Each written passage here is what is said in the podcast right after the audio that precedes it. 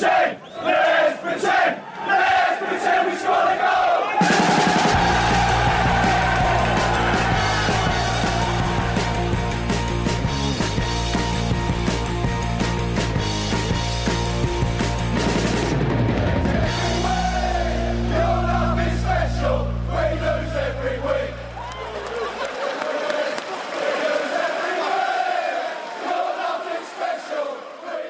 Varmt välkomna hälsar vi då till Sportbladets Premier League-podd denna tisdag i april. Eh, Snön eh, far på tvären men eh, här inne skiner solen, eller hur? Eh, när vi får prata engelsk fotboll. ska vi inte överdriva. Ehm, vi har massor att prata om som vanligt. Vi tänkte vi skulle börja med Newcastle. Patrik Bränning välkommen in i värmen. Kalle Karlsson har ni redan noterat, sitter här med mig som vanligt. Ehm, du har stenkoll på det här Newcastle-bygget ju. Ja det vet fan du. Men Fredrik du- Jönsson har stenkoll men han är för euforisk just nu för att kunna medverka. Ja, han, han drog på solskenssemester direkt. Nej, det, han, han satt på en eh, mycket kall läktare nere i Malmö tror jag och kollade allsvensk fotboll igår. Jag pratade med honom när han var på väg dit. Han konstaterade att han hade för lite kläder på sig. Ehm, Det där är ett eh, eh, återkommande nybörjarmisstag att folk klär på sig alldeles för lite när det är jag dags älskar för att du kallar. Fredrik Jönsson nybörjare. Ja men alltså rent allmänt alltså, nybörjarmisstag och klä på sig för lite när det är fotbollspremiär i Sverige Det vet man ju att det är svinkallt jämt, Ja. spelar ingen roll vad, vad det är för temperatur på dagen När det väl är matchen så vet man att man kommer frysa i slutet Han, av han matchen tänkte att han Så reste mitt, söderut tror jag ner till Malmö där är det inte lika kallt. mitt råd är att klä på er när det är fotbollspremiär Ja. Ehm, Eller inledning av serien vi får ju misstänka i alla fall att kanske. Vad sa du? Nej det var inget. Vi går vidare. Misstänker i alla fall att gårdagens eh, resultat då från Championship värmde honom lite. Sådär ja. Eh, när man då blev klara för Premier League. Det har ju känts rätt klart rätt länge. Det har varit rätt klart rätt länge Ja, också. de har ju spelat oerhört dåligt på slutet här nu eh, och bara inte lyckats knyta ihop den här säcken. Men igår så eh, körde man över Preston North End då, 4-1. Ehm, jag såg lite grann av den faktiskt. Det såg, eh, Newcastle såg liksom beslutsamma ut. Ehm, Ayose Perez med två mål bland annat. Um, du skrev ju igår ett eh, dokument som bland annat handlade lite grann om den här eh, ekonomiska fallskärmen som ju Newcastle har tagit del av precis som Aston Villa, eh, precis som alla lag som åker ur eh, Premier League nu för tiden och den eh, betyder ju en hel del förstås. Ja det kan man ju säga. det är Alltså, lite orättvist. det kan man också säga. Förra, förra säsongen så fick de väl 345 miljoner kronor var. Eh, de klubbarna som åkte ur Premier League det första året då. Mm. Eh, och då ska man säga att övriga klubbar som inte hade spelat i Premier League då fick 25 miljoner kronor var. I någon slags solidaritetsersättning från, från Premier League. Eh, I år kommer den summan vara ännu högre eftersom tv-avtalet ökat med är det, 65% så att, och då kommer ju skillnaden mellan de två summorna också öka med ungefär 65% kan man ju tänka. Om jag nu inte går helt fel matematiskt. Men oavsett, det är ju en, en liksom sinnessjuk fördel till klubbar som kommer ner med redan bättre trupper, bättre klubbar, bättre talangsystem, bättre ledare, bättre ungdomsakademi, bättre infrastruktur, större publikunderlag, större marknadsintäkter. Liksom allt, de har ju redan så enormt mycket fördelar mot klubbarna i Championship redan när de kommer ner och då får i runda slänga 320 miljoner kronor extra mot sina konkurrenter eh, och konkurrera med. Gör ju att det blir ju helt absurda skillnader. Vi såg ett Newcastle i år som behöll sin, sin lönebudget stort sett. eh, sp- Ja. Ställde upp med Championships dyraste lönebudget genom tiderna. Det, det upp, påstås att den ligger runt 850 miljoner kronor per säsong. Alltså fem gånger så stort som de flesta Championship-klubbar ligger på i lönebudget. Det är som om Det Malmö FF skulle möta man Kalmar varje vecka. Preston North End igår också som, som ju inte, de ligger ju inte ens i närheten av att ha en femtedel av, av Newcastles lönebudget. De, vet, de ligger väl på en, en allsvensk nivå eller något sånt där. Eh, Han ligger nog högre än så men Ja, jag vet Men inte. För Just, alltså Preston, jag, jag är osäker på. Det är ju en, det är en pytt, pytteliten klubb i sammanhanget. De är ju glada att de är uppe i Championship överhuvudtaget. Eh, och röjer. Men eh, skitsamma. Newcastle då? Ja men om vi hänger kvar i det här, det är ju alltså Man kan ju alltid dividera om hur mycket pengar de ska ha Mm. men själva fallskärmssystemet tycker jag ändå fyller en funktion. För om man tittar på vad som hände förut så var det ju att klubbar gick upp och så drog man på sig stora kostnader med Man måste skriva mer än ett års kontrakt med sina spelare för annars liksom står man utan någon chans att etablera sig i högsta ligan. Och så åker man ur och sen liksom rämnar det rakt ner i, i avgrunden. Eh, jag tycker nog fallskärmssystemet är ganska bra ändå för att man ser det är ingen garanti för att lyckas heller. Det är ju flera klubbar som har ramlat ut de senaste åren som inte tar sig upp direkt. Det är ju Så väldigt blir få inte som gör det. Alltså, det är väl bara ingen Burnley likhets- egentligen det som blir ingen göra det innan. likhetstecken av att ramla ur, få den där fallskärmen och sen bara studsa tillbaka. Så att, eh, jag tycker nog det, det finns goda intentioner bakom det där. Sen kan man alltid dividera om hur mycket pengar de ska ha. Och skulle solidaritetsersättningen till de övriga klubbarna vara lite större kanske? Ja men det är väl där man får in, för det är klart det finns goda intentioner, det är klart att det fungerar bra. Men nu när det liksom, när TV-pengen blir så extremt mycket högre i Premier League kommer den här ersättningen också bli högre. För den är ju procentuell på TV-pengen i Premier League. De får ju 55% av vad den fasta summan TV-ersättningen är till Premier League-klubbarna första året. Och det gör ju att det kommer ju bli som, som att Newcastle nu, de kan ju behålla liksom i stort sett sin budget. Och då blir ju skillnaden, alltså det kommer ju vara 20 Premier League-lag, sen kommer det vara sex lag eller någonting därunder som fortfarande lever lite på de här eh, fallskärmarna som löper över tre år om det varit Premier League mer än ett år tidigare. Och det kommer ju liksom bli en snurr där att de, de, de kommer liksom byta plats med varandra de där längst ner för att det kommer bli så otroligt svårt att slå sig in. Fast det där fallskärms, eh, liksom grejen har ju funnits nu i ganska många år och det Men är ju ändå ju nya klubbar som tar sig högre. upp. Vad sa du? Summan kommer bli ännu högre nu. Jo, Skillnaden men alla summor-. Alla summor i fotbollen blir ju ännu högre. Så att jag Ja, tror... Championships TV-avtal blir ju inte procentuellt så mycket högre som, eh, som Premier Leagues blir. Ja det blir inte Så reella skillnaden tal i alla fall. Eh, nej, det får vi ju åter se, det får vi vänta med att se. Men jag tror inte att det, jag tror inte det är något jätteproblem att, eh, att det här fallskärmsavtalet finns. Vi ser hela tiden att det är nya klubbar som kommer upp i Premier League. Och det Ja. måste ju ändå tyda på att alltså, pengarna betyder inte allt. Även om du har en hög lönebudget när det kommer ner. Jag vet att folk har klagat på det där redan för fem år sedan. Liksom. Men det har ju inte, det har inte visat sig att det varit någon liksom, eh, liksom eh, det har inte medfört att det är samma klubbar som bara hoppar upp och ner. Jag tror risken nu är, för man såg, ja, förra säsongen var det väl två klubbar som var nere och vände och upp direkt. Och risken tror jag är att nu kan du, nu kommer fler göra som Newcastle just att du, du struntar i och, och använder den här fallskärmen till att liksom lindra ditt fall ner. Till att, till att spela ut de här kontrakten och, och successivt minska din budget. Utan istället använda den här fallskärmen till att behålla din budget och behålla dina spelare och göra som, som Newcastle, värva John Joe och inte skrev någon nedflyttningsklausul i hans avtal, värva Townsend och eh, Henri Saivé samtidigt skrev inga nedflyttningsklausuler trots att de var hotade då redan i januari. Utan de investerar i stort sett för att, att kunna ha en så bra trupp som möjligt även i Championship om, om man kan se på det nu. Och, och på så sätt ta sig upp direkt och då kommer ju, jag tror fler klubbar kommer göra på samma sätt att de behåller sin Premier League-trupp och sen samlar den där fallskärmen. Sen om de inte lyckas ta sig upp, då kommer det där dramatiska fallet istället som, som fallskärmen är till för att skydda dem mot. När de efter två, ett år då minskas den från 55% till 45% sen tredje året minskas till 20% sen står de där utan fallskärm. Jag tror att det finns en risk där i alla fall.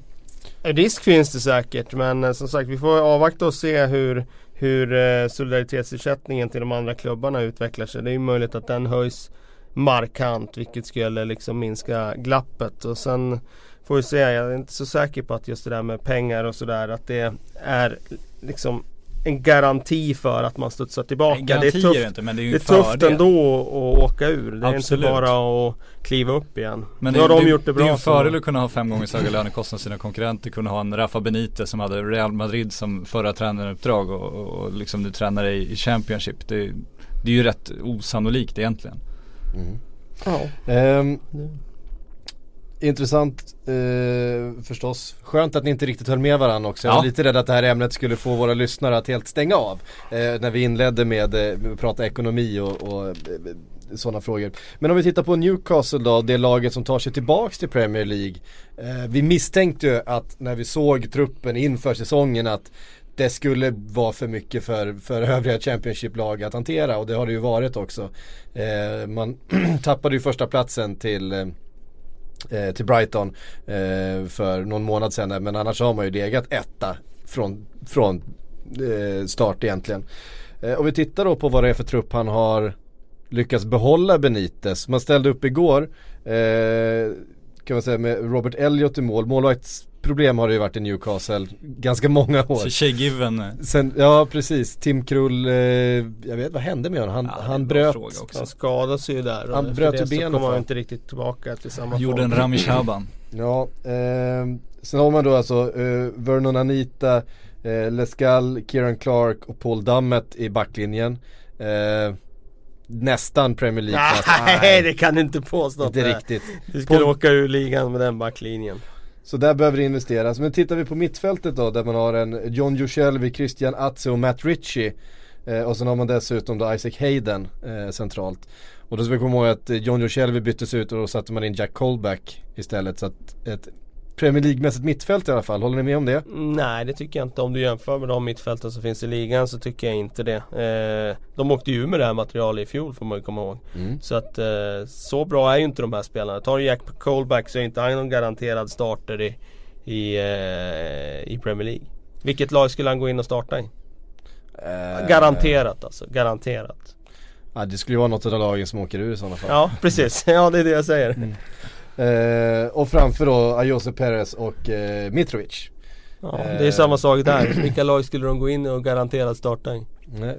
Så, det du säger Kalle är att det krävs eh, ganska stora investeringar i det här Newcastle. Ja verkligen, verkligen. att, eh, och det utgår jag från att de kommer göra nu. För nu tror jag de verkligen är sugna på att stanna i Premier League på lite längre sikt. Och man har, ju, man har ju Rafael Benitez som ska värva och han gillar ju att värva mycket.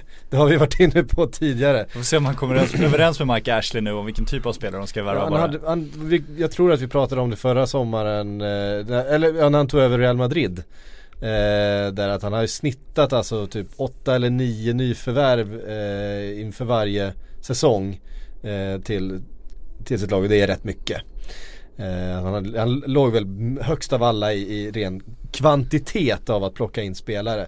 Eh, så att det kan man väl tänka sig att det blir en, en, en skaplig översyn av eh, det här laget. Men vad är det framförallt man, eh, du känner att man skulle behöva förstärka Kalle? Oh! Jag skulle behöva försöka allt. Känner jag. Eh, du drog ju laguppställningen Mm. nu. Ja, det där är ett lag som garanterat åker ur Premier League. Eh, så det behövs förstärkas i alla lagdelar. I princip i, skulle nästan säga alla positioner. Eh, Du vill byta en hela laget? En ytterback, en mittback. Det är inte hela Nej, laget. bra. Eh, Nu förstår jag. En centralfältare, en ytter, en forward. Minst så. Minst så. Mm. Ny målvakt också kanske? Ja. ja. Ja, det är tufft. Ja men det är nog vad de kommer försöka göra. Men samtidigt, alltså de har ett lag som dansar sig genom Championship. Så det finns ju en viss bredd som de kan luta sig mot. Det de kan göra som är en lyx i ett sånt här fall är att de kan leta spets direkt. De behöver ju inte Mm. eh, liksom bygga om truppen och få, få den bredden. Det har de ju. Så de kan ju gå på, försöka få de där spetsspelarna och vi får väl se om de lyckas den här gången. De har ju lite hit and miss, det gode Mike Ashley som eh, i, sin, i sin strategi att värva spelare som han sen ska kunna tjäna pengar på. Men vi får väl hoppas att han inser att det, mest vinstgivande är inte att, att sälja spelare för en Premier League-klubb utan det är trots allt att spela i Premier League hela tiden. Så att, eh, därför borde han kanske satsa på kvalitet snarare än utvecklingspotential bara. Mm. Det är ju många som, vi har ju diskuterat att eh, Newcastle kommer att åka ner och så kommer de komma upp med fart igen och liksom bli Ja men någonting att räkna med kanske på övre halvan till och med till nästa säsong. Eh, det tror ni? Är Alltså det är inte omöjligt. Det är det ju inte. Det får man ju se vad de får ihop för trupp. Men det, det är lätt när det gäller de här klubbarna att det liksom skapas sådana här förväntningar liksom. Att nu kommer en klubb upp med ett klassiskt namn och nu kommer det bara skjuta fart uppåt. Men så enkelt är det inte. Men det är klart om de skulle öppna plånboken och värva in som vi är inne på här ett helt nytt lag. Det är klart att, att den möjligheten Det är ju finns. ändå, det är ju ändå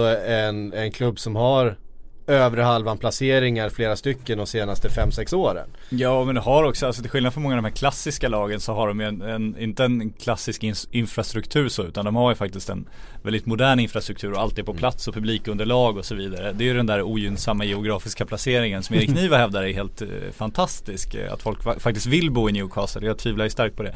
Det är väl det som talar emot dem hela tiden. Det är svårt att locka de där spanska stjärnorna till, till Newcastle. Det är lite lättare när du kan kan locka med London eller eh, Manchester och det här lyxområdet där alla miljonärerna bor. Så det finns inte den typen av områden i industristaden Newcastle tyvärr. Nej. Um, det var, vi lämnar Newcastle där tycker jag. Ehm, men det känns i alla fall som eh, någonting som blir spännande att följa i sommar och någonting som det kommer skrivas väldigt, väldigt mycket om. Eh, Benites värvningar till, eh, till det här laget. Ehm, i helgen då så hade vi eh, en hel del andra stormöten när eh, FA-cupen spelade sina semifinaler. Eh, bland annat fick vi se Arsenal på något sätt få till taktiken då mot Manchester City. De hade ju rätt mycket flyt, City får man säga. Ett fullt godkänt mål blev bortdömt. Eh, tycker jag i alla fall. Han har ju sett det där eh, bollen är över eh, kortlinjen och sådär och sen så skulle man kanske haft någon straff och så. Men någonting eh, positivt i alla fall för Arsenal att ta med sig i det här skedet på säsongen när man ändå krigar till sig en eh, övertidsseger eh, mot eh, tunga Manchester City. Ehm, Ja, men det, nå- det kom ju, det kom ju rätt läge. Ja verkligen och det är väl så att han eh, Klockan har ju klämtat för Arsene Wenger här senaste tiden men på något sätt har han ju hittat någon slags nödandning här på, på övertid. Han eh, eh, har ju på något sätt i alla fall skapat någon slags eh, eh, solid grund med den här nya eh, inställningen att eh, vi bygger bakifrån istället för att bygga framifrån. Nu har de spelat trebackslinje eller fembackslinje första gången sedan 96 liksom och det, eh, det är någon slags, eh, ett avsteg från i alla fall tänket att vi ska gå ut och spela ut alla lag. Eh, han har ju gjort avsteg från det i enskilda matcher de senaste åren och då har vi ju ändå lyft på hatten för honom för att det är ändå det som har krävts för Arsenals del. Nu eh, har han blivit tvingad till att göra det igen och jag tycker att eh, nu har han fått lite effekt på det. Eh, och någonstans tror jag också en ny tro på det de gör för att eh, det här var alltså första gången sedan 2012 som de vänder ett underläge till seger mot en topp 6 eh, Ja, ett topp 6-lag då. Eh, Ja, de det har säger- oerhört svårt mot topplagen den här säsongen. Verkligen. Och det säger ändå någonting om att det finns en ny tro på det man håller på med där. Mm. Jag kommer ihåg, alltså FA-cupen kanske är Arsenals bästa chans att nå Europa League också. ah, nu var jag lite elak. Ehm, Aj. Aj. Ah, nej, nej, jag tar tillbaka det var, den var lite onödig.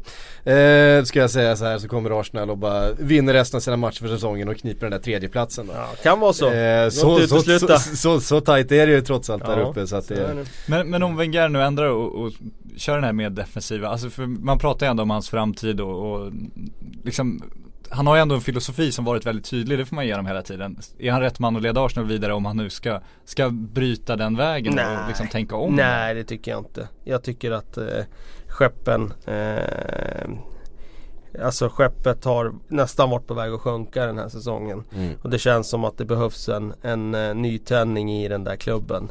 Och jag tycker nog inte att han är rätt man att leda den eh, på längre sikt. Eh, så att nej. Vem är Och- rätt och- man? Ja den är svår. Eh, det är inte så många liksom som kan komma in och ta den eh, posten och liksom fylla kostymen med allt vad det innebär. Däremot rent om du tittar på de rent fotbollsmässiga grejerna så tycker jag en sån som Thomas Tuchel till exempel skulle kunna vara intressant för Arsenal.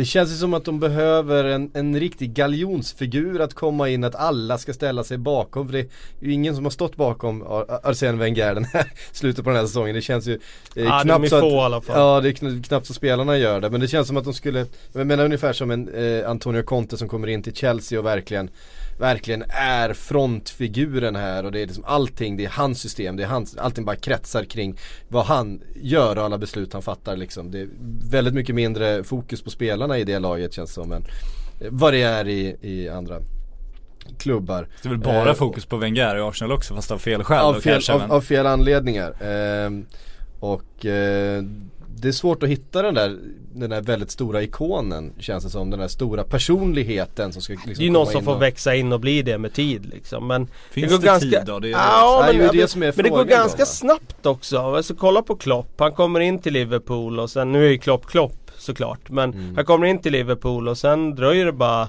några veckor och sen känns det nästan som att han har blivit den där symbolen som har Mm. enat Anfield. Och det är klart att en Klopp hittar man inte här och, eh, liksom på alla ställen. Men Tuchel tror jag skulle kunna bli en sån eh, figur på sikt. Man Han är ju lite annan personlighet. Han har inte men... samma aura, han är Nej inte men den det här är, ingen, sexiga ledaren det är liksom. ingen som har det som Klopp har. Om du snackar Ja, aura. Conte har ju ändå ganska mycket aura, vi har Mourinho som har Ja ganska men det är mycket ingen som aura. har den där likable effekten Nej, som nej, Klopp har. Eh, där han blir lite uppskattad i alla läger kan man Mm. säga. Det ska jag inte säga att någon annan tränare har på det sättet. Så att eh, Andra, det är svårt att jämföra så. Å andra sidan så finns ju exemplet eh, Pochettino som kommer in till ett oerhört profilsvagt, ett blekt Tottenham med Visserligen med en eh, bra organisation och pengar och så vidare sådär men, men eh, och han verkligen bygger upp ett kollektiv eh, på ett annat sätt och får ju effekt på det. Det tar ju inte så många säsonger, det är två säsonger. Sen är man uppe där och slåss om eh, placeringar som alltså, som laget knappt har gjort överhuvudtaget i, i de senaste vadå, tre decennierna. Eh, så att det går ju faktiskt att bygga på inte så lång tid också om man vill göra det från andra hållet bakifrån med egna produkter och med, med spelarutveckling och sådär som, som Pochettino har gjort. Eh, det var en annan intressant eh, match i den här FA-cupen i helgen också. Det var Chelsea mot just Tottenham. Eh, det är väl nästan de mötena den här säsongen som har varit de bästa. Det är ju ja, de två det, bästa lagen i, under, under eh, den här säsongen i Premier League ganska, med ganska bred marginal. Och det blev ju en ganska eh, underhållande match också. Jag tycker Tottenham spelade fantastisk fotboll under så stora delar utav den här matchen. Eh, men det är liksom Chelsea är Chelsea och eh, målet som Matic gör, äh, det finns liksom inte, det, då kan vi liksom kasta ut alla taktikböcker ur eh, fönstret. Den bara lamma på med en full vrist från ja, vad är det? Kurzuma var, var lite imponerad. Ja, lite nej, men så här, så här, typ 27-28 meter rakt upp i krysset. Det är liksom, ja det är svårt att försvara sig mot. Ja det går inte riktigt. Eh, sådär va. Men eh, oerhört bra match och eh, tror ni att det får någon inverkan på, vi ska inte skriva upp Tottenhams chanser i ligan här nu men det skiljer fyra poäng och så vidare men eh, Chelsea har svajat lite på senaste tiden. Tror du det här ändå stärker dem? Nej, det vet jag inte om det har någon sån där effekt. Så där kan man ju alltid liksom dividera om att det nu eh, var en mentalt slag mot Tottenham och sådär. Men det där har man ju lärt sig att det, det betyder ju eh, ingenting. Man kan inbilla sig att det betyder saker men det tror jag inte. Jag tror att eh,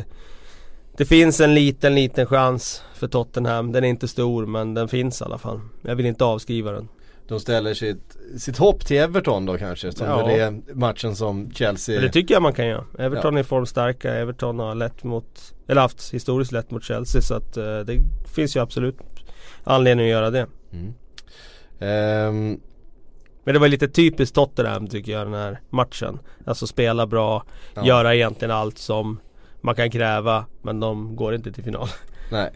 Eh, alltså eh, det som var noterbart var ju att Jung Min Son var utpetad på en wingback-plats och han löste ju inte den defensiva Nej, det får man ju säga att han inte gjorde. överhuvudtaget. Nej, eh, straffen är ju, ja, det är många, du vet om Moses eh, filmar och han ja, hoppar det gör han ju, det gör han ju. Men han, han glider ju framför honom, han kan ju inte springa där. Nej, man får ju inte ge han chansen och, och lägga sig egentligen och det är ju det som är problemet och det tror jag att en lite mer rutinerad ytterback hade, hade inte kanske gett den chansen på samma sätt. Jag tyckte det var onödigt, eh, onödig situation att göra det i alla fall. Och han stod ju fel eh, på många gånger. Han fick en rejäl utskällning utav Moussa Dembélé eh, mitt på det. Vad, fan, vad står du här uppe och gör? Den är så talande. Han står verkligen och pekar med hela, med hela armen och liksom så Du ska inte stå där, du ska stå där. Och Jominsson ser ut som ett frågetecken och försöker krympa lite ner bak i, i planen. Men det är jobbigt ändå för en anfallare att hamna i de där positionerna. Det är inte, det är inte så lätt alla gånger. Nej. Det är lätt att Det är ju taskigt mot honom i en sån stor match och bara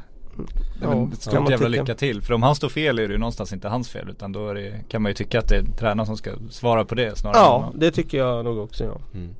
Ehm, sen, de... sen har ju säkert Pochettino gjort Alltså de har alltså, ju De har ju jobbat. givetvis gått ja, igenom ja, det är klart hur han ska agera De har ju jobbat på det hela absolut, veckan förstås Men det, men det är ju tränaren som måste se till så att du är redo att axla den rollen om han ska spela dig i den rollen någonstans Men det är ju sådär att jag tror väl att eh, Pochettino vill nog väldigt gärna att, att Song ska vara den här utility play, alltså den här spelaren mm. som man vill kunna använda på många positioner. Det är ju väldigt mycket så i, bland de moderna tränarna att de vill ha De vill ha spelare som är mångsidiga, alltså de här riktiga specialisterna ser vi ju eh, väldigt mycket färre av i, eh, i eh, dagens fotboll. Man ska kunna spela på många positioner. Eh, så att jag tror vi kommer få se Hjominsson på, som wingback eh, många gånger i framtiden och han kommer säkert lära sig vart han ska sätta fötterna även i det defensiva det, spelet. För det där tycker jag ändå är spännande. Är det framtidens fotboll liksom just det där? För man, man, det, den debatten har kommit lite med Kanté får man väl ändå säga som ju är så mm. extremt, eh, extrem spetskvalitet på några få områden och lite svagare på de andra i en tid när det just har varit det här, eh, mm. det här Pep Guardiola-tänket med mittfältare överallt som ska vara precis lika bra på allting. Alltså vill man hellre ha en wingback som är, är en gammal anfallare eller vill man ha en wingback som är bara wingback som är fruktansvärt bra på att försvara och sen kan löpa längs kanten liksom. Men så fort han bryter inte in i planen och gör ett Arjen Robben avslut med vänster i bortre krysset liksom. Jag tycker att det, jag tror att, jag tror att Du ställer höga krav. Jo det gör jag ju, men jag känner att det är just den här våg, eh, man, man ser ju just det moderna i fotbollen att det går verkligen i, i, perioder. Alltså Mm. ett tag så ska man bara spela, nu ska man helt plötsligt, nu börjar det komma lite kontringsfotboll igen efter den här Barcelona-åren. Så jag tror att det kan vända det där också. Jag tror att specialisterna kommer få bli mer och mer eftertraktade snarare än de här som är liksom bra på allt. Så tror jag verkligen att är du bäst på någonting tror jag att du kommer sticka ut så, så mycket, mycket mer i en sån miljö. Så att det kan finnas extrema eh, fördelar med ha några sådana spelare också. De här två lagen eh, dominerar ju också eh, Players eh, Team of the Year. Eh, som man har tagit ut i veckan. Då är det Inte så förvånande. Nej. Eh, De Gea i mål, eh, Kyle Walker, David Luiz, Gary Cahill, Danny Rose, eh, Eden Hazard, Dele Alli, Kanté, eh, Sadio Mané, Lukaku och Kane. Eh, blev den eh, startelvan som då togs ut. Är det någon som ni skulle vilja byta ut? Mm, Nej, egentligen inte. Jag var väldigt Jag skulle- överens med elvan. Däremot tycker jag man kan resa något Cahill mot från... Alderweireld, det ska man Eh, Man kan resa några frågetecken här och där och det jag skulle komma till. De Gea tycker jag har haft en svagare säsong. Eh, Men jag kan inte peka på någon målvakt som har varit bättre heller. Eh, Han så- räddar ju fortfarande många poäng åt Ja åt han gör lag, ju det liksom, så att ehm, det får bli han. När det gäller backlinjen så är det väl Alde Ferrell då som i så fall skulle kunna eh, hota om en plats i mittförsvaret. mm. Samtidigt så Cahill när de där röstningarna kom ut där så det var ju en period när Chelsea, de hade inte släppt in så många mål då. Nej. Eh, de var inne i väldigt, väldigt bra period. Eh, och sen är det väl då eh, på anfallspositionerna. om det är Om det är en Zlatan Ibrahimovic, om det är en Alexis Sanchez eller en Diego Costa som möjligen kan hota när det handlar om individuell kvalitet. Mm. Och då hade jag plockat ut Lukaku i så fall. Men samtidigt det han har gjort för ett Everton är ju Ja det är ju väldigt imponerande. Han leder ju ändå skytteligan ganska överlägset. Och göra det i Everton är väldigt starkt. Ja. Eh, mm, årets spelare, Kanté. Det är ju glädjande på något sätt att det inte är en forward som blir årets spelare. Ja det måste jag säga. eh, Att det är en utpräglad offensiv spelare för att det är ganska ovanligt. Verkligen. Eh, faktiskt att eh, de här priserna går till. Han var väl, vad blev han, eh, han var med i omröstningen i slutskedet där förra säsongen också i Leicester ju, Kanté. Eh, men då var det väl Mares som fick priset? Var det så? Ja, Mares fick priset i fjol. Fick priset Jag förra året. kolla, jag tror att eh, den enda försvararen som har fått priset under Premier League-eran det är väl eh, John Terry va? Ja, Eh, som har fått PFA alltså. ja precis. Men det blir ju, alltså det blir ju just, det blir ju så stjärn, det är som att säga Zlatan kom väl trea i den här omröstningen efter Kanté och Hazard tror jag vi skrev. Att han var Årets den, spelare. ja, att han var den Mm. anfallare som fick flest röster men när de ska utse årets lag så är han ju inte en av de två som kommer in i laget. Nej. Det kanske säger en del om att olika- liksom, det ska ju vara Eh, det här är väl olika ehm, eh, Årets spelare är väl inte spelarna som ut, eh, utser utan här startelvan är väl Players Team of the Year och spelare odo, Nej, men det, det är, är årets det, det, är året, Ja. ja. det är spelarna också. Båda två? Ah, okej. Det är årets spelare, det är ju det är PFA. Sen har du ju Ja. eh, Journalistföreningen. ja, Writers, ja, writers. Men, är- men PB. man tar just den, den här superstjärnan till årets spelare. Det är ju, det är ju sym- symptomatiskt. Det Ja, ser man ju verkligen. Sen när du ska ta årets lag, då kan du fundera lite mer. Ja, men då ska du inte ha, utan då är det sen vilka varit bästa anfallaren egentligen. Så det, det blir ju skillnad. Därför är det ju så jäkla svårt för en för en, eh, en försvarare som du säger och, och vinnare. Precis som det är svårt för en försvarare att vinna Guldbollen också har vi sett Mm. genom åren. Det, ja, hur många är det som har vunnit eh, Guldbollens försvarare? Cannavaro det är ju den, man, den Ja, man kommer ihåg på, liksom. he- Helt och hållet på en VM-turnering. Ja, där var han rätt bra Han var ju bra den våren i Juventus, det ska vi inte snacka bort. Men eh, det var ändå, det var den våren där. Mm. Jo det jag skulle säga, de, de som har fått det som försvarare det är alltså John Terry. Det var den, den enda under 2000-talet försvarare som har fått det. Sen på 90-talet då var det eh, Paul McGrath och, och Gary Pallister. Men Pallister Mm. var året före Premier League. Jag hade Ja. glömt bort Paul McGrath där. Jag trodde att Hur fan Terry var den Paul enda. McGrath alltså? Det är ju för Ja, det är för dåligt. Riktigt Det är för dåligt. Ja. Och de vann inte ens ligan det året. Det är också ganska sällsynt att spelaren som blir årets spelare inte vinner ligan. Ja. Oftast brukar det vara från mesta laget.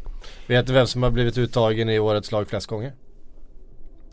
Uttagen i årets lag Ja. Nu är det, det typ här- Steven Gerrard eller något. Det måste vara någon, vi måste hitta någon i Liverpool ju, eftersom psyk vet om Ja, det här. det är säkert så att jag gissar på Det Gerard. är klart att det är Steven Gerrard. Ja. Åtta gånger har han varit med i, det är två fler än någon annan. Ehm, så det är så. Ehm, vi ehm, pratade eh, FA Cup eh, semifinaler men det spelades lite ligafotboll i helgen också. Manchester United eh, har en eh, skaplig skadekris. Eh, den blev värre i torsdags när eh, Zlatan Ibrahimovic eh, trampade fel. Kan vi väl säga. Drog ett korsband. Eh, jag Kanske. vet inte, det har sagts en hel del Han om det landade här. fel eller? Ja, ja, det landade, landade fel. Eh, kanske. Ja men de har ju fortfarande inte bekräftat, säger bara kraftfulla ligamentskador. De vägrar ju säga exakt vad det han har gjort. Så att det är Jag trodde det var klassiskt, bekräftat att det klassiskt var Manchester United. korsband. Nej jag tror inte egentligen. Nej, inte betyder, det be- Men han är ju i Pittsburgh hos korsbands... Ja, ja det är liksom, klart det är eh, korsbandet. Ja, men de vägrar ju berätta. Ja men det, det, det, det var ju inte någon överraskning när, Nej. när, eh, när de bara skulle vara hemlighetsfulla liksom. Men Alltså. korsband på Marcus Rojo också va?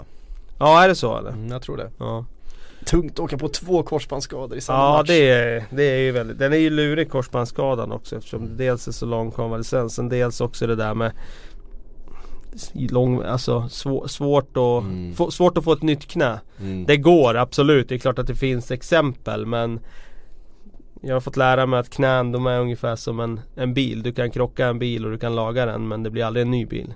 Nej. Det blir en, en lagad bil. Ja. Och det är det som är grejen. Det, det måste jag säga när det gäller Zlatan här att det har varit otroligt mycket eh, såklart. Vilket är naturligt liksom. Mycket det här med att han fått avsluta karriären och med Friends eh, och det här. Men alltså jag måste säga, jag känner bara vilken jävla tacksamhet att han inte åkte på den här skadan tidigare. Tänk om han hade åkt på den här skadan som 21-åring. Mm. Då hade hans karriär inte blivit det den har blivit. Nu är han ju ändå i liksom slutfasen. Ja. Och hur många fotbollsspelare får eh, spela en hel karriär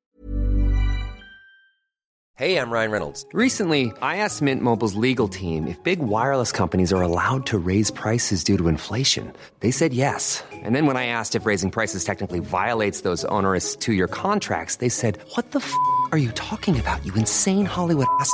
So to recap, we're cutting the price of Mint Unlimited from $30 a month to just $15 a month. Give it a try at mintmobile.com slash switch. $45 upfront for three months plus taxes and fees. Promo rate for new customers for limited time. Unlimited more than 40 gigabytes per month. Slows. Full terms at mintmobile.com.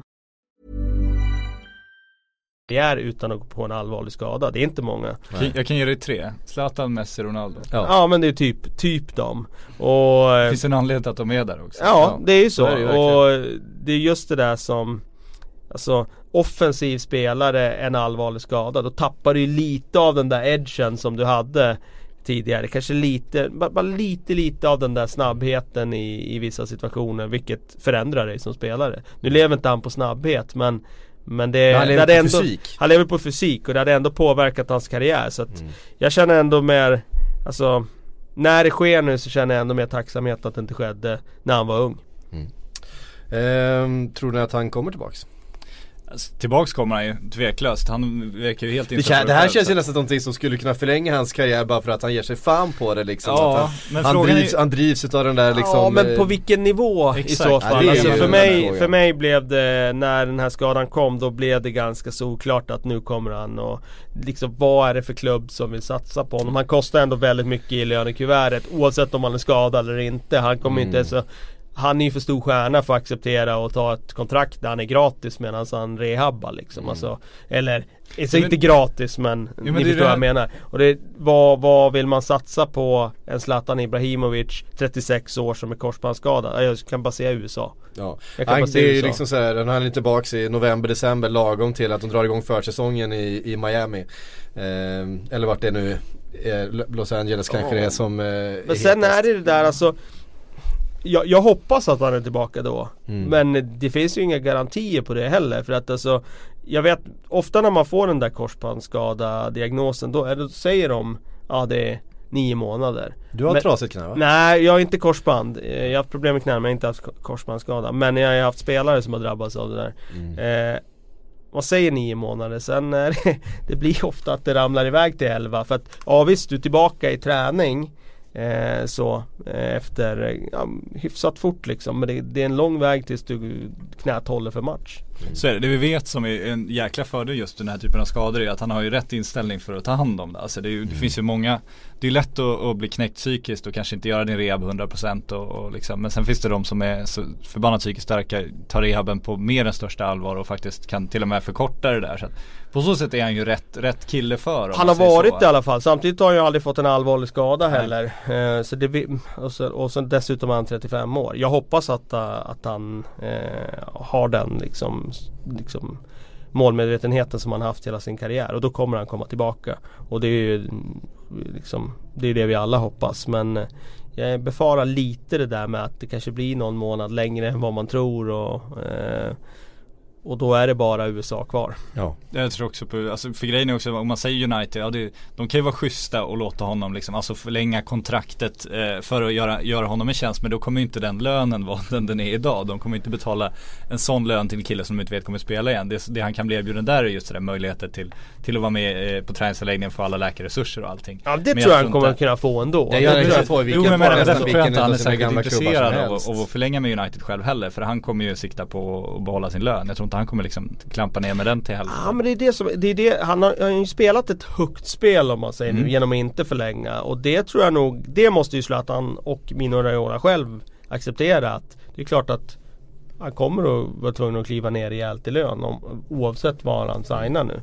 Och Jo men i i USA finns det ändå marknadsmöjligheter som gör att han kan liksom Ja. motivera det och behålla den ekonomiska ja, aspekten. men det, det, det jag menar är att då får, då får nog det kontraktet eh, Det kommer ju också vara lägre än vad han hade fått innan Ja, den här absolut. skadan. Det är det jag menar. Ja och summorna är inte så höga i USA som Nej, många vill det. få det till. Så är det ju inte. Då får du åka till Kina om du ska, ska tjäna pengar på det sättet. Är USA det. handlar ju om att bygga en marknadsandel som du sen kan behålla efter karriären så gör att det kan bli mycket pengar på sikt. Men Ska ju göras en film också det ska göras en film också. Det kan vi nog vara ganska säkra på. Japp. Eh, Manchester United i alla fall, eh, trots massa skador, det är ju inte bara Zlatan, det är som sagt Marcos Rojo, det är Juan Mata, det är Chris Smalling, det är eh, Phil Jones. Eh, är det några fler? Vilka glömmer jag? Eh, ja det är fler. det är mängder med skador i alla fall. Eh, åker till Turf Moor och eh, hämtar tre poäng från Burnley.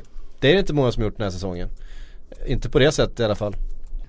Eh, Sen är det skadediskussionen, jag såg det var väl någon som eh, la ut någonting, jag har inte läst artikeln nu så jag vet inte exakt hur lösryckt citatet var ut i sammanhang men att Jürgen Klopp eh, också beklagade sig över skador, att det hade Mm. förstörts. Alltså det, det här är ju, det är, det är inget exceptionellt det här trots allt. Alltså korsbandsskador absolut. Det är, Ja. det Det är ju men Pogba som blev skadad senast också. Ja, Pogba precis som, eh, där är det väl osäkert hur, hur pass allvarlig den skadan är men han spelade ju mot eh, Burnley i alla fall. Men han, visst han klev av den matchen. Eh, så var det väl om jag inte minns fel. Ehm, Ja, jag har inte sett, sen, se- inte sett den matchen men det blev en lite av en renässans för Wayne Rooney. Han fick komma in eh, i värmen igen, göra mål och nu är han ju högaktuell på att spela mot Manchester City. Det går verkligen fort i, i svängarna. ska jag säga det att Wayne Rooney var inte speciellt bra. Men han är ju där i alla fall när bollen dimper ner. Eh, han hade ju ett läge då han skulle gjort ett mål till innan men, men avslutet är för dåligt. Eh, han såg ju ut som Wayne Rooney har gjort den här säsongen. Men- Eh, men, men, men visst det är klart att han fortfarande kan skruva in frisparkar och han kan fortfarande avgöra eh, viktiga matcher. Eh, sett honom göra fina mål mot Manchester City bland annat tidigare i karriären ju. Eh, Bissakletan eh, var väl mot Manchester City, eh, Japp. var det inte så? Yes. Ehm, ja, det blir ju förstås en, eh, en riktig jävla holmgång på torsdag. Eh, Mourinho mot Pep. Manchester United mot Manchester City. Det finns ganska många narrativ här. Ja, verkligen. Det ju... Det finns en Champions League-plats att slåss, att Det är en om. helt otroligt het match. Det var ju den här matchen som man på förhand inför säsongen såg som kanske den titelavgörande matchen. Men den är ju minst lika het nu med tanke på att den liksom står handlar om slaget om fjärdeplatsen och båda de här eh, får nog inte plats på topp fyra. Eh, det är min känsla. Eh, så att eh, det blir ju vinnaren här kommer ju att ta eh, kungariket och fjärdeplatsen, om man nu får kalla fjärdeplatsen för det. Champions League-biljetten för det. Ja, ja. Eh, Det, det är en titel, det är det- nästan så. Nästan så. Den här säsongen känns det nästan som Ja. det när toppsexan är så stark och, och så. Men visst, United har ju såklart sin chans i Europa League. Så det, det är klart att de kan ju hamna där båda klubbarna men den är ju otroligt het. Och sen blir det ju också en liksom en, eh, en, en ja, det blir ju en mätare av vilken tränare har gjort det största fiaskot. Alltså skulle Mourinho nu lösa den här fjärdeplatsen så har han en titel. Då kommer han trots allt, han kanske inte borde hamna där men det blir nog det ändå i folkmun att han hamnar på godkänt. Mm. För att man kan titta på Pep Guardiola som står då utanför topp 4, inga titlar. Och eh, ha sitt superlag liksom som efter åtta omgångar i Premier League såg ut att vara helt oslagbara.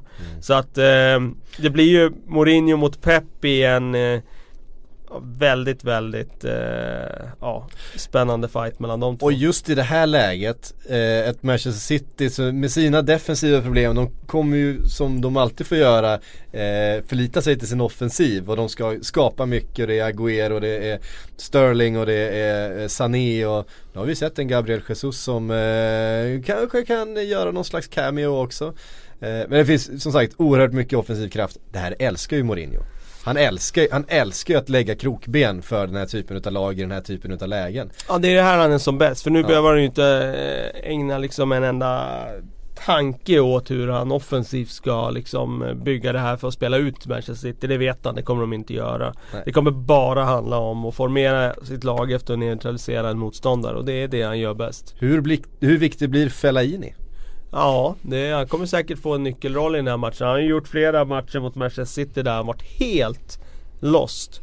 Eh, och har sprungit och jagat skuggor på mitten men om han bara får rätt roll i den här matchen så kan han säkert vara effektiv om de börjar lyfta bollar på hans gässa eller han ska stå och liksom nicka undan nere vid eget straffområde. Oavsett vad det är så kommer han säkert få en viktig roll ja. Det blir, eh, det blir Fellaini mot Yahya Touré, en av tidernas eh, temposvagaste mittfältsdueller. Ja det var ju den, det var den duellen det var för ett par, par tre år sedan när eh, Fellaini sprang där och jagade skuggor. Och då var ju Jaja betydligt tempostarkare än Ja, vad han är idag. Och det var ju då han vände ut och in på Fellaini i det derbyt. Eh, så att ja. Det blir, det blir nästan som sån här gå-fotboll som har blivit populär eh, borta i England nu, där man inte får springa. Som eh, gamgubbarna spelar med varandra i, i parkerna.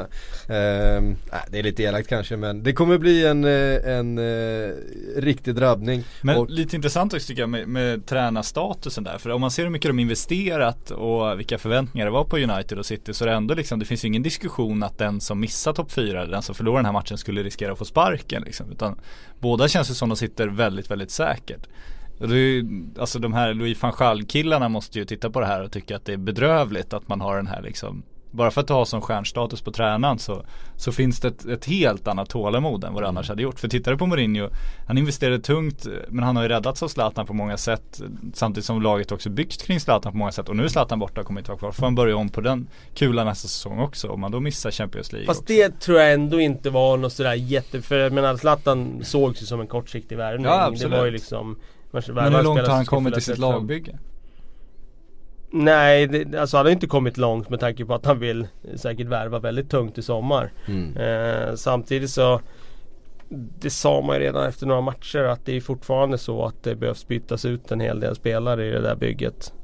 Så att, Men hade du, om Louis van Gaal hade mött liksom eh, vad ska vi ta för gammal, Pellegrini i det här mötet i exakt samma situation nu. Hade de suttit sig lika säkert de två tränarna? Nej det hade de inte gjort, absolut inte. Nej så är det ju. Det, de, de, de har ju förtroendekapital i och med att de har vunnit så mycket titlar tidigare och de har sina Mm. namn.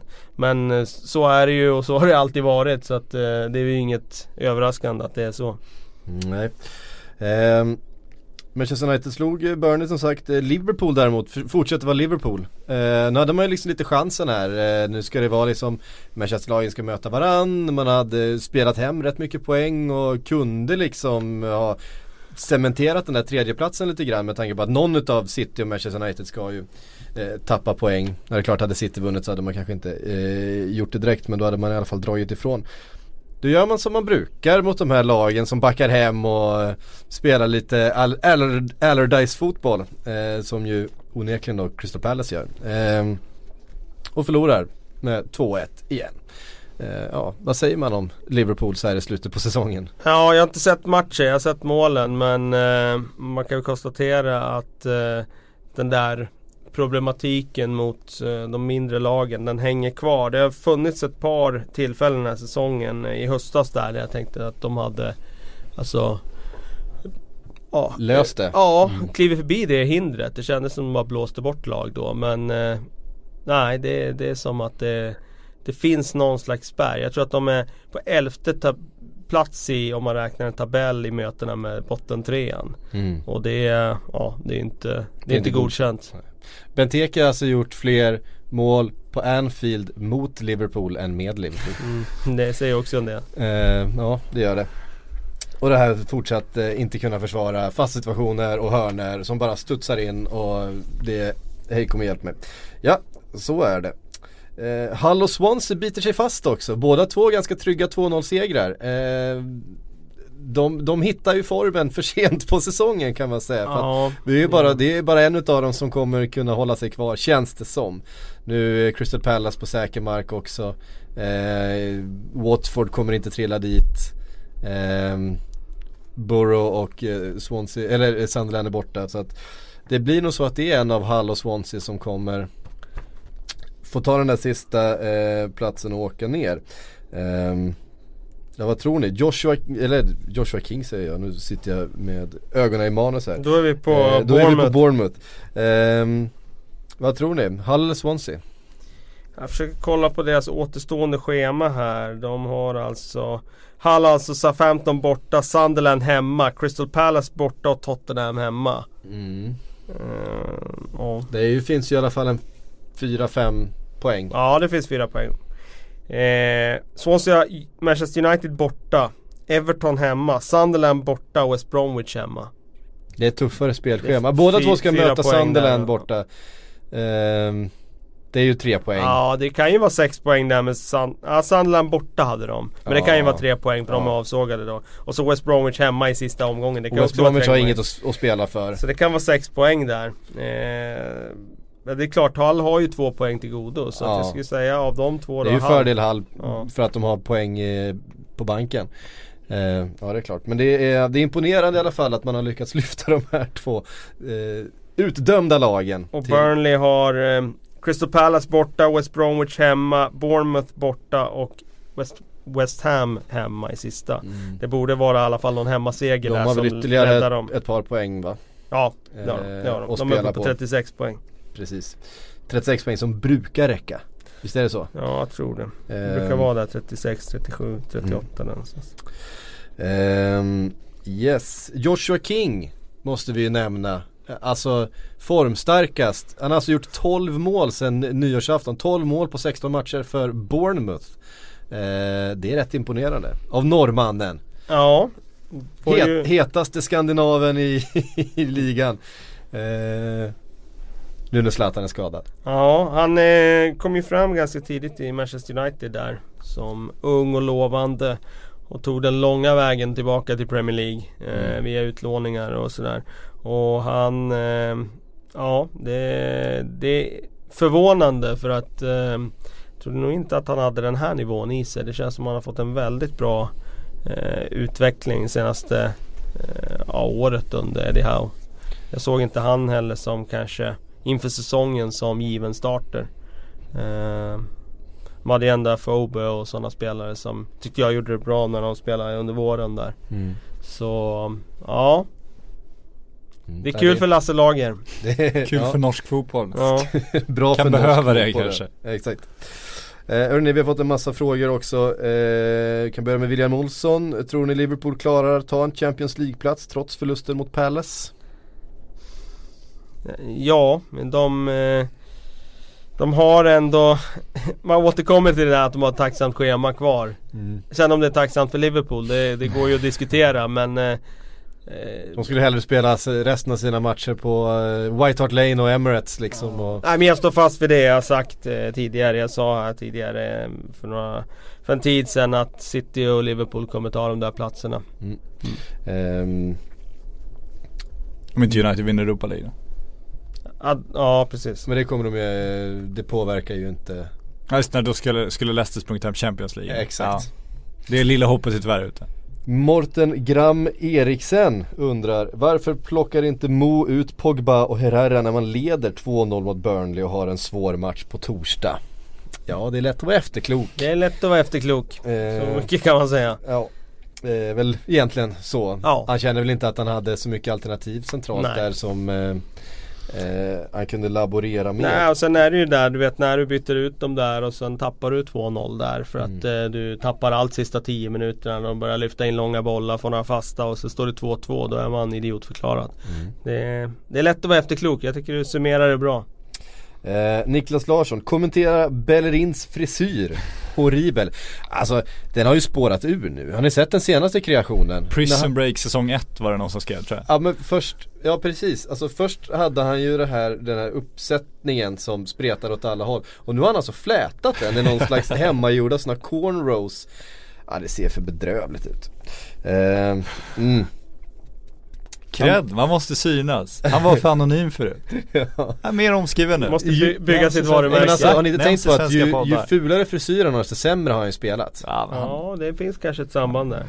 Eh, André Johannesson eh, undrar, blir det pep out om han torskar derbyt på torsdag? Nej det tror jag inte men han kommer ju starta nästa säsong med en enorm press. Då måste han ju leverera under nästa säsong. Han kommer få fortsätta för han var en sån prestigevärvning när de plockade han till klubben. Och han har sitt namn. Men eh, då kommer han vara satt under press redan när nästa säsong startar. Joel Svensson, eh, kommer eh, Slaven Bilic få sparken och vem kommer i så fall ta över efter honom? Ehm, jag tror att eh, Slaven Bilic får sparken. Jag tror att West Ham vill plocka in eh, någon ny. Jag Tactics team. vet inte vem det blir men eh, jag, tror, jag tror att eh, eventuellt om en eh, Om Swansea åker ut så skulle jag inte se det för omöjligt att Paul Clement kan ta över West Ham. Nej. Eh, och om Hall åker ut så ser jag inte för omöjligt att Marco Silva eh, tar över West Ham istället. Nej det skulle kunna vara. Skulle kunna vara. Han har ju haft den där eh, eh, stämpeln på sig att han får en effekt tidigt, eh, Slaven Bilic. Mm. Och sen ebbar det ut och det har väl ebbat ut nu. Mm, det känns ju så. Ehm, Johan eh, Persson undrar efter att ha sett Real Bayern Hur långt efter är inte de engelska klubbarna? De hade inte haft en suck mot något av de lagen. Nej det är Och korrekt. så är det ju. Så är det. Ehm, Det är därför de inte är med i slutfasen av Champions Det är därför de League. inte spelar där heller. Ja. Så är det. Ehm, vad ska de göra då? Vad ska de göra då? Hur ska de ta sig dit? Ja, nej det är svårt. Jag tycker att det är svårt utifrån att tysk och spansk eh, talangutveckling har varit mycket bättre än engelsk de senaste 15 åren. Så det finns ett mycket bättre inhemskt material. De har fått fram eh, bättre spelare till eh, eh, till eh, ligorna. De bör- bör köpa in så mycket utländska spelare. Det tror jag har gjort att de bästa inhemska spelarna har hamnat i de här klubbarna. Mm. Då har de haft en, eh, en, eh, en kärna av de bästa inhemska spelarna. Om man tar Real Madrid så har de haft Casillas, Ramos till exempel. Eh, och Ronaldo om man nu med den Iberiska halvön ska kalla honom då som eh, ja, spanjor i det här fallet då. Men i alla fall. Kan få några motor där. Vad sa du? Ja, jo, nej men Ni förstår vad jag menar. Han, mm, liksom, mm. De samlar på sig de spelarna från regionen som drömmer om att spela i Real Madrid. Och Bayern samlar på sig de spelarna som drömmer, växer upp och drömmer om att spela i Bayern München. Och har även skapat dem själv med Müller till exempel och så Mm. vidare. Eh, och det tycker jag inte de engelska klubbarna har fått fram. Men den det- typen av spelare. De har haft en jäkla få. massa pengar. Ja men dels så de vill få få eh, stora talanger och sen är de också för många klubbar som, som delar på dem idag. De Del, ju, dels det också. skulle ju må bra om man ser att de ska få fram ett riktigt bra lag av att ett lag faktiskt sprang ifrån. Sen är frågan om man vill det då, om på bekostnad av att ligan blir, blir ointressant. Så det kan man väl också väga in om det är så, så eftersträvansvärt att få fram det där superlaget till Champions League. Eh, Gustav Johansson undrar, vad tycker ni om det faktum att Klopp skyller att man inte vinner titeln eller utmanar om titeln eh, på grund av skador? Jag tror det är liksom eh, jag, vet, jag vet inte hur mycket av det här är, är liksom citat som har liksom Nej, ryckts ur ett, reson, ett större resonemang men det är klart att eh, eh, ja, har man skador som gör att man inte kan leverera då har man ju också samtidigt en för tunn trupp. Ja, jo det är som om man ska ta ett allsvenskt exempel som kanske inte är så populärt i den här podden men IK Sirius liksom som går som en tåget nu och det var någon som diskuterade hur långt, hur långt kan de gå? Ja, om, om man får ha sin startelva, eller vilket fotbollslag som helst, om du får ha din startelva intakt en hel säsong så, så är ju vä- väldigt många lag väldigt konkurrenskraftiga i Premier League liksom. Men det är ju Ja så, Leicester det händer ju inte. ta Chelsea den här säsgen. Ja. Jag har en fråga som kommer om det eh, alldeles strax här. Även ingår i spelet skadorna, så det går inte att komma ifrån, så är det ju. Nej. Eh, den kommer här. Viktor Andersson eh, undrar, Chelsea har inte hållit nollan på 10 matcher i Premier League. Innan det radade de upp nollor. Vad beror detta på? Senaste nollan kom 22 ja- januari mot Hall. Ja. Och det är helt enkelt att de har inte kunnat spela med sin, sin ordinarie backlinje. Nej, de har bytt en massa spelare där bak och Även bytt målvakt ibland och det har inte funnits den där tryggheten som det fanns tidigare. Sen tror jag dessutom det är en liten grej av att de andra lagen lär sig också lite grann hur de ska ta sig förbi. De har sett det där Chelsea-laget spela ett antal matcher nu och de hittar någon slags lucka. Det kanske inte räcker för att besegra dem men det räcker för att göra något mål i alla fall. Ehm, Per-Axel Fredriksson, är det värsta som kan hända Arsenal att vinna FA-cupen så att gubben stannar kvar? Bättre med flopp och nystart? Frågetecken. Jag tror gubben stannar kvar i vilket fall. Ja det tror jag. Det känns som han eh, får välja och det känns som han redan har valt. Så att jag skulle bli väldigt förvånad om han, om han kliver åt sidan nu. Det har ju varit lite av den där känslan de senaste åren. De har räddat upp det med att säkra fjärdeplats. De har räddat upp det med en fa Cup-titel. Alltså på något sätt sådär vilket har gjort att han Ja men han har avslutat säsongen ändå positivt vilket har gjort att då, då, då, han har ju fortfarande en anhängarskara, den är inte stor men den, den finns där. Och då har den liksom Tillräckligt många fått- för att också skicka upp ett flygplan. Ja precis. Och då eh, har det ju liksom gett han eh, tillräckligt med mandat för att vara kvar år efter år. Och det, ja. Eh, Jag, jag, jag förstår ju vad han menar, frågeskrivaren där. Jag, jag skulle nog säga att det, det vore bättre med en flopp i, i fa Cup-finalen och, och gå på något nytt. Mm. Eh, Andreas Idberg, vad tror ni, eh, vilka tror ni tar kvalplatsen från Championship? Eh, Reading, Huddersfield, We- Sheffield Wednesday ser ju klara ut eh, för att få ehm, eh, kvala om eh, det här då. Och sen är det Fulham och Leeds som slåss om den fjärde.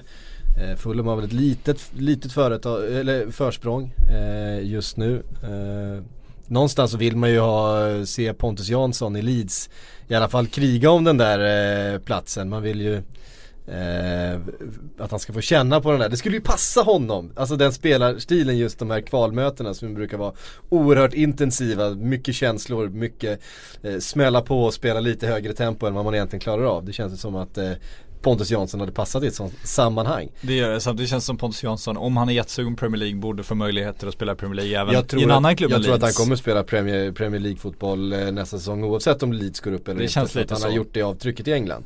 Ehm, och mittbackar är det ont om. Ehm, men eh, av Reading, Huddersfield, Sheffield Wednesday, Fulham och Leeds om vi tar de fem lagen som det skulle kunna handla om. Vilket skulle ni helst se i Ja, Premier League? Leeds skulle jag helst se. Det är en stor klubb som uh, hör hemma där uppe. Eh, så att det skulle ju ge ytterligare en uh, Ja det skulle ge ytterligare en liten eh, injektion till nästa säsong tycker jag. Mm. Eh, är det något lag som ni verkligen inte vill se där uppe? Reading vet du tusan. Reading är för så jävla sexiga, alltså. osexigt alltså. det, Jag tror att jag kan komma på ett osexigare lag i. England än Reading. Men de har ju Japp Stam. Det är ju kul med Japp Stam. Det är kul med Japstam, det är nästan lika roligt med Japstam som det är med Tony Adams. Så att, och det säger en del. Ja precis.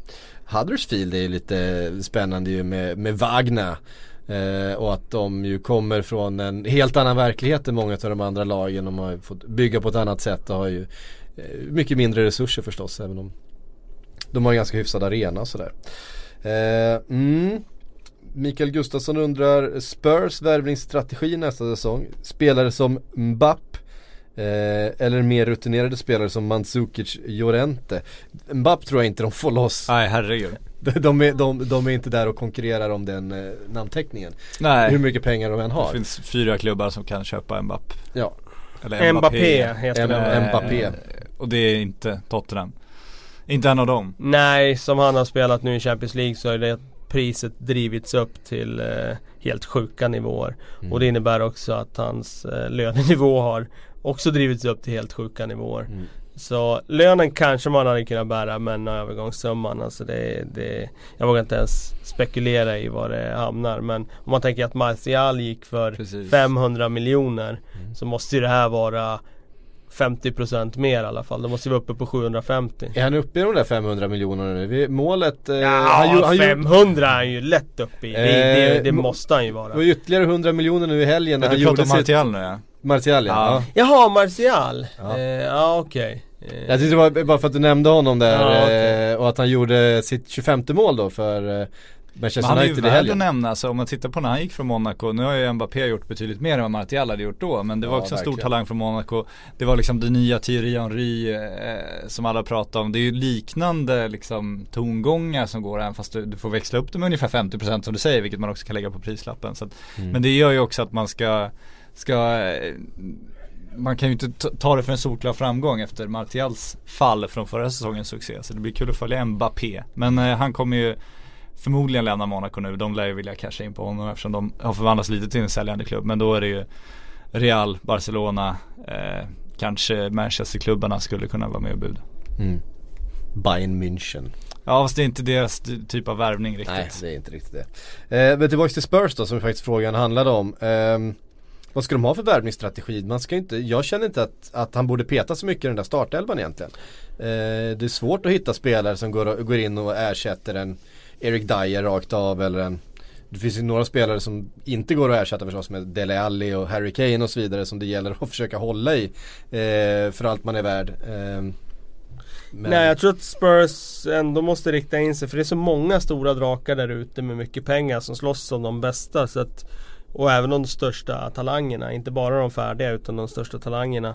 Så man får nog fortsätta med att försöka hitta de här prisvärda spelarna som kan gå och utveckla till, alltså är på väg att bli eh, stjärnor och utveckla och göra det där sista jobbet för att ta dem dit. Och det har de gjort otroligt bra de senaste åren så varför skulle de inte kunna fortsätta med det?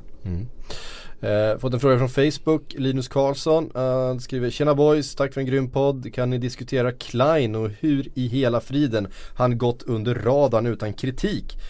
Får han en pass så blir han fruktansvärt nervös och passar närmaste gubbe direkt. Bakåt är han inte heller världsklass.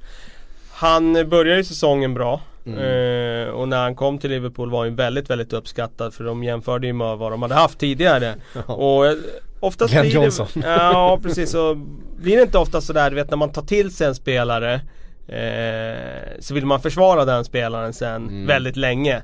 Och det ska mycket till sen för att man ändrar åsikt kring en spelare som man har tagit till sig. Och det tror jag är eh, den stora grejen. Man ser, alltså jag tänker så här, eh, i vissa matcher alltså hade det varit Moreno som hade gjort samma sak när Klein går bort sig och inte hänger, eh, hänger med en försvarare hem eller slår bort en passning offensivt och, och eh, bjuder på en omställning. Hade det varit Moreno på andra sidan som hade gjort samma sak så hade han blivit hängd Ja, ja. fullständigt. Eftersom det är en spelare som ingen tycker om. Eh, förutom spelarna i klubben, han verkar vara oerhört populär. Han är med på alla, så fort det dyker upp en gruppbild så är Moreno där. men ehm, Deras Jesse Lingard typ. Ja men lite grann så. Eh, Pepe Reina, någon var ju tvungen att ta över festfixarrollen liksom. Eh, vi pratade om det precis innan eh, inspelningen här Kalle, jag jämförde dem med, med Kieran Trippier som eh, vikarierar i Tottenham just nu, eller vikarierar, han spelar där just nu när eh, Kyle Walker är skadad. Och han har en oerhörd förmåga att på ett eller två tillslag alltid få in en, en riktigt bra eh, cross in i boxen. Eh, någonting som man knappt ser Klein göra på ett eh, förtjänstfullt sätt överhuvudtaget. Eh, jag vet inte hur många, hur många ass han har på den här säsongen men det kanske är Nej, två. men det, ja okej, men Trippier han har ju många ass. Eh, Trippier har många ass, ja, han- alltså, och han är ändå andra valet i Spurs. I Spurs ja. Det det- känns, han gör ju inte det men det känns som att Trippier nästan snittar på en assist per match. För att ibland gör han två. Alltså, oerhörd inläggsfot alltså. Ja. ehm, men eh, ja, det är, som du säger, det är, det är få som har den inläggsfoten som Trippier har. Ja, ja det, den saknar man lite grann. Eh, hörde ni, det var allt vi hann med den här tisdagen. Eh, hoppas att ni har hängt med oss hela vägen. Eh, nu på, vad blir det, på onsdag va? Så kommer Manchester United-bibeln ut i affärer. Så eh, ligg på luckan, eller vad säger man? Eh, ligg, ligg på, på affären, före de tar Ligg slut. på, jag gillar ligg på Var det luckan. inte 27, 27, 27, 27 va? Ja, Ja, men det är ju det är på på- torsdag det. Torsdag till och med. Nej, till Manchester-derbyt förstås. Förstås. Se. Så passa på och spring och läs, eh, läs den så hinner ni plöja den före det är match på kvällen. Bra va? Vi hörs med vecka igen.